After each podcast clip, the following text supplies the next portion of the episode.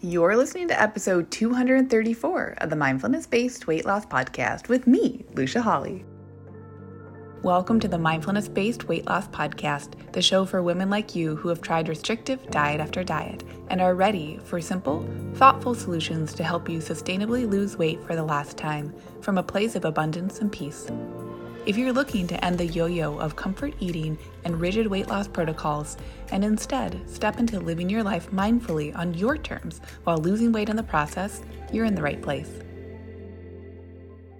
Hey, hey, party people. Welcome, welcome to the show. Um, thanks for being here. It is a misty, beautiful day here in Portland. There is this tree that is right outside of my office window, and I don't know the name of the tree, but it has the nickname like the peanut butter tree because if you take one of the leaves and like crumble it up in your hand and then smell it, like if you just smell it right away, it smells like peanut butter. If you smell it like 10 seconds later, it smells like a crumpled up leaf in your hand. But right now, it's so cute. I just came up into my office and there are so many of these beautiful little songbirds that are just pecking away in this tree at its berries. It's so sweet. It is like so darn cute. And it's in the mist and it's just lovely. So, welcome to today's show. We are talking about why you keep doing the things that you don't like doing, meaning those habits that you're like, oh, I wish I didn't, but I keep doing it. Ugh, why do I keep doing it? And so I thought we could talk about this subject, not with like tips and tricks and hacks to get yourself to stop having your we'll just call them bad habits because that's how we talk about them colloquially. What do we know now? We know, hopefully, you feel the way I feel. Well, not hopefully, okay? Like, feel how you're gonna feel. But in general, on this show, like, if you've listened for any amount of time, no habits are bad habits. They're just habits that might be more maladaptive. They might not be serving you in the way that you want them to be serving you. But truly, there's like not bad habits and there aren't good habits. They're just habits that have different effects. And if you don't like the effect, well, fancy that. We're talking about it on today's episode of, of all the things we'll be talking about. So, when we do things that we don't like repetitively, this does not include if we, you know, maybe stretch ourselves beyond our comfort level or we go out of our way to be kind to someone, like those one offs. This isn't that doing things we don't like, okay? This is like, why is it that I tiptoe and find my way into the kitchen after a really lovely dinner on the weeknights? Why is it that I feel like eating becomes so different on the weekends versus the weekdays? Why is it that I rush through my breakfast even though all those Instagram influencers tell me that if I were to just sit down and have a big protein packed breakfast, I'd be so good to go and I wouldn't even have those evening cravings that I'm also trying to figure out? You know what I mean? Like those kinds of habits.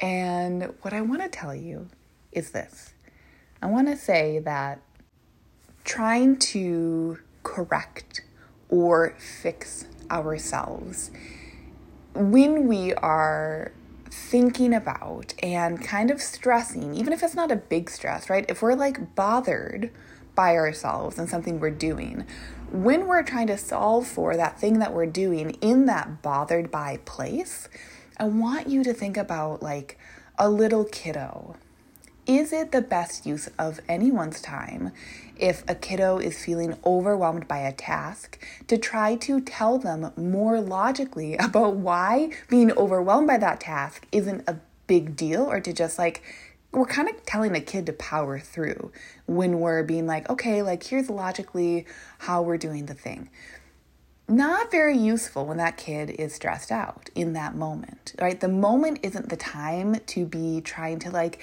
leverage your prefrontal cortex, which is what we're trying to do when we're trying to logic. We're trying to like use that um, upper brain, if you will. But when we're in our, I don't even want to say lower brain, but when we're just like in our brainstem, when we're in our stressy, kind of more like lizard brain area, it's just hard. And I, for one, as an adult, I don't think we need to keep repeating that pattern because I do think a lot of adults, I think we do this to ourselves. We're like, well, I am an adult. Well, I've gotten this far. Surely I should just be able to buck up and do XYZ or not do XYZ anymore. And instead of trying to problem solve on today's episode, what I want to be offering you is thinking about something a little bit different. Instead of trying to problem solve for that problem or what feels like a problem, I want you to think about not that problem, okay? When you are not thinking about that problem, that means that you are thinking about other things. And this isn't to push that problem out of your brain.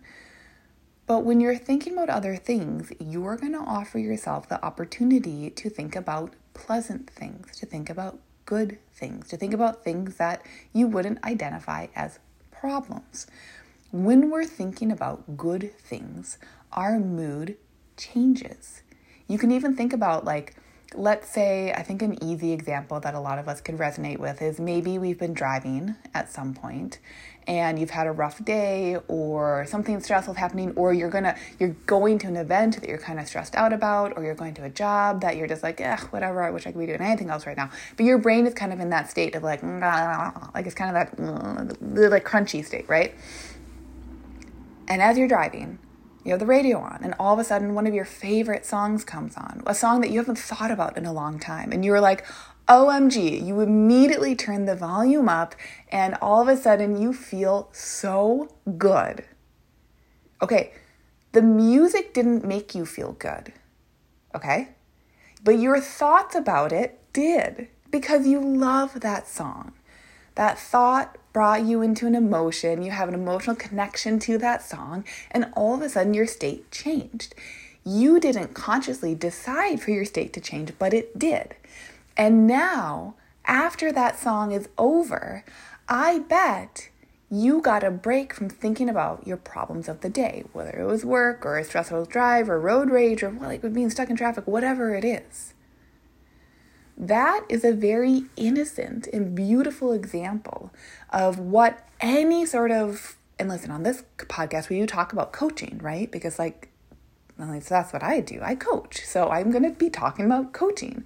That's what any sort of coaching relationship is opening you up to experience isn't to help you figure out, well, how do I create this new habit? How do I become the person that isn't the person I am today because I don't like who I am or this or that? Whatever that old problem thinking is, we just stop giving it airtime because we recognize that it is completely fine to have a thought that is generating more thoughts that feel like problems.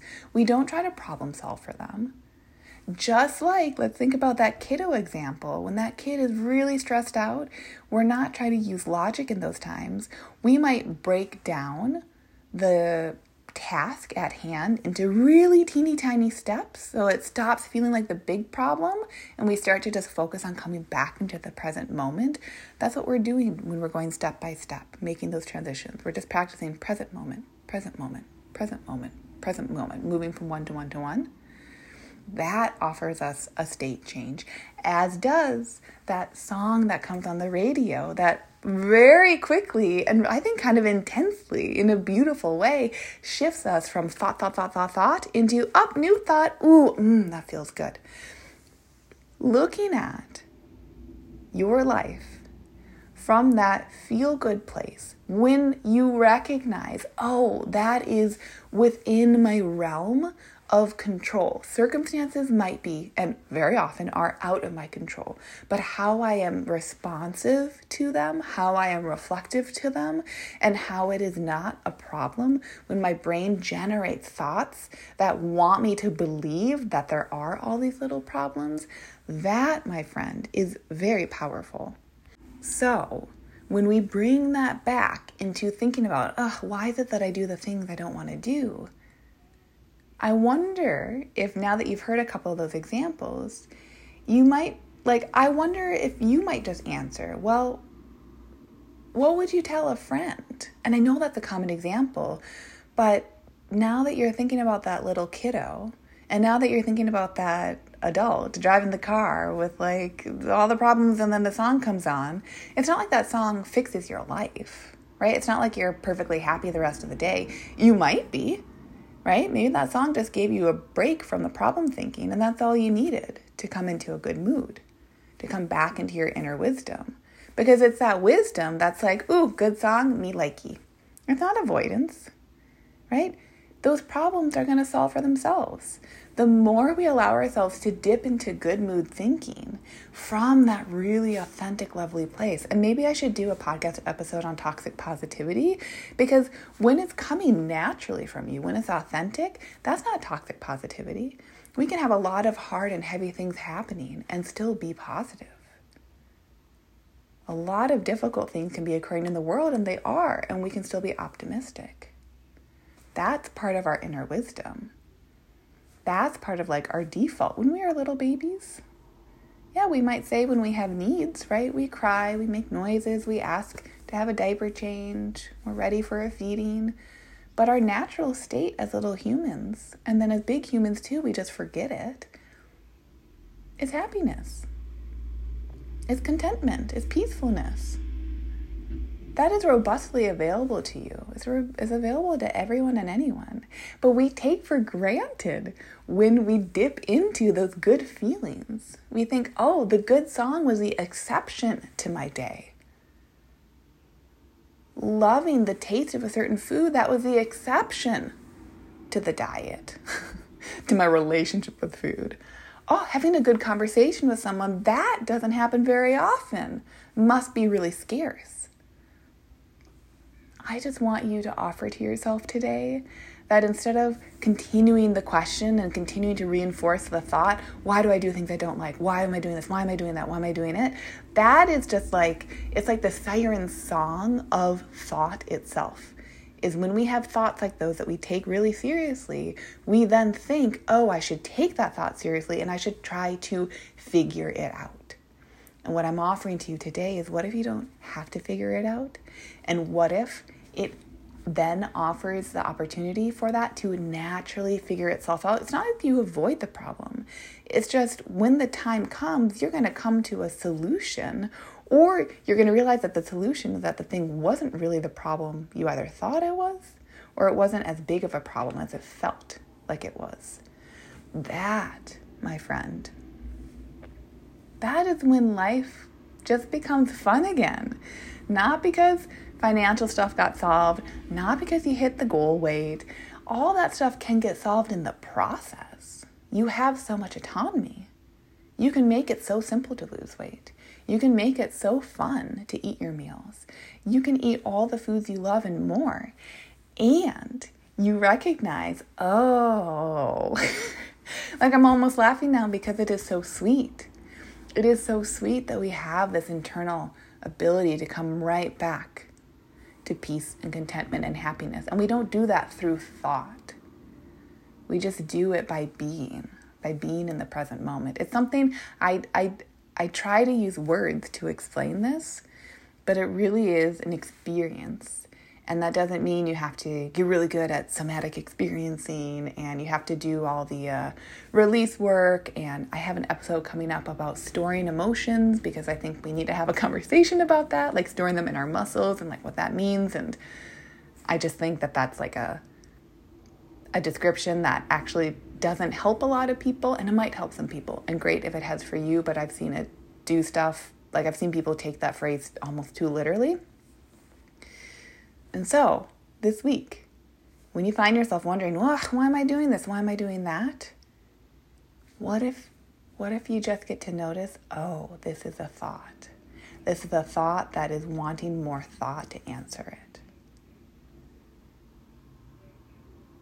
it gets to be that simple. So, thank you so much for being here, and I will see you on next week's episode. Hey, if you love today's show, I'd love for you to take a minute and give a rating with a review. If you too are ready for more women to make life choices from loving mindfulness, that means we need more women listening to this message so they know it's available to them and they can do it too. And if you're ready yourself, come join Lena Liberated, where we'll work together and you'll learn how to take this process to the next level in your weight loss goals, life desires, and beyond. Go to luciahawley.com, that's L U C I A H A W L E Y.com to connect.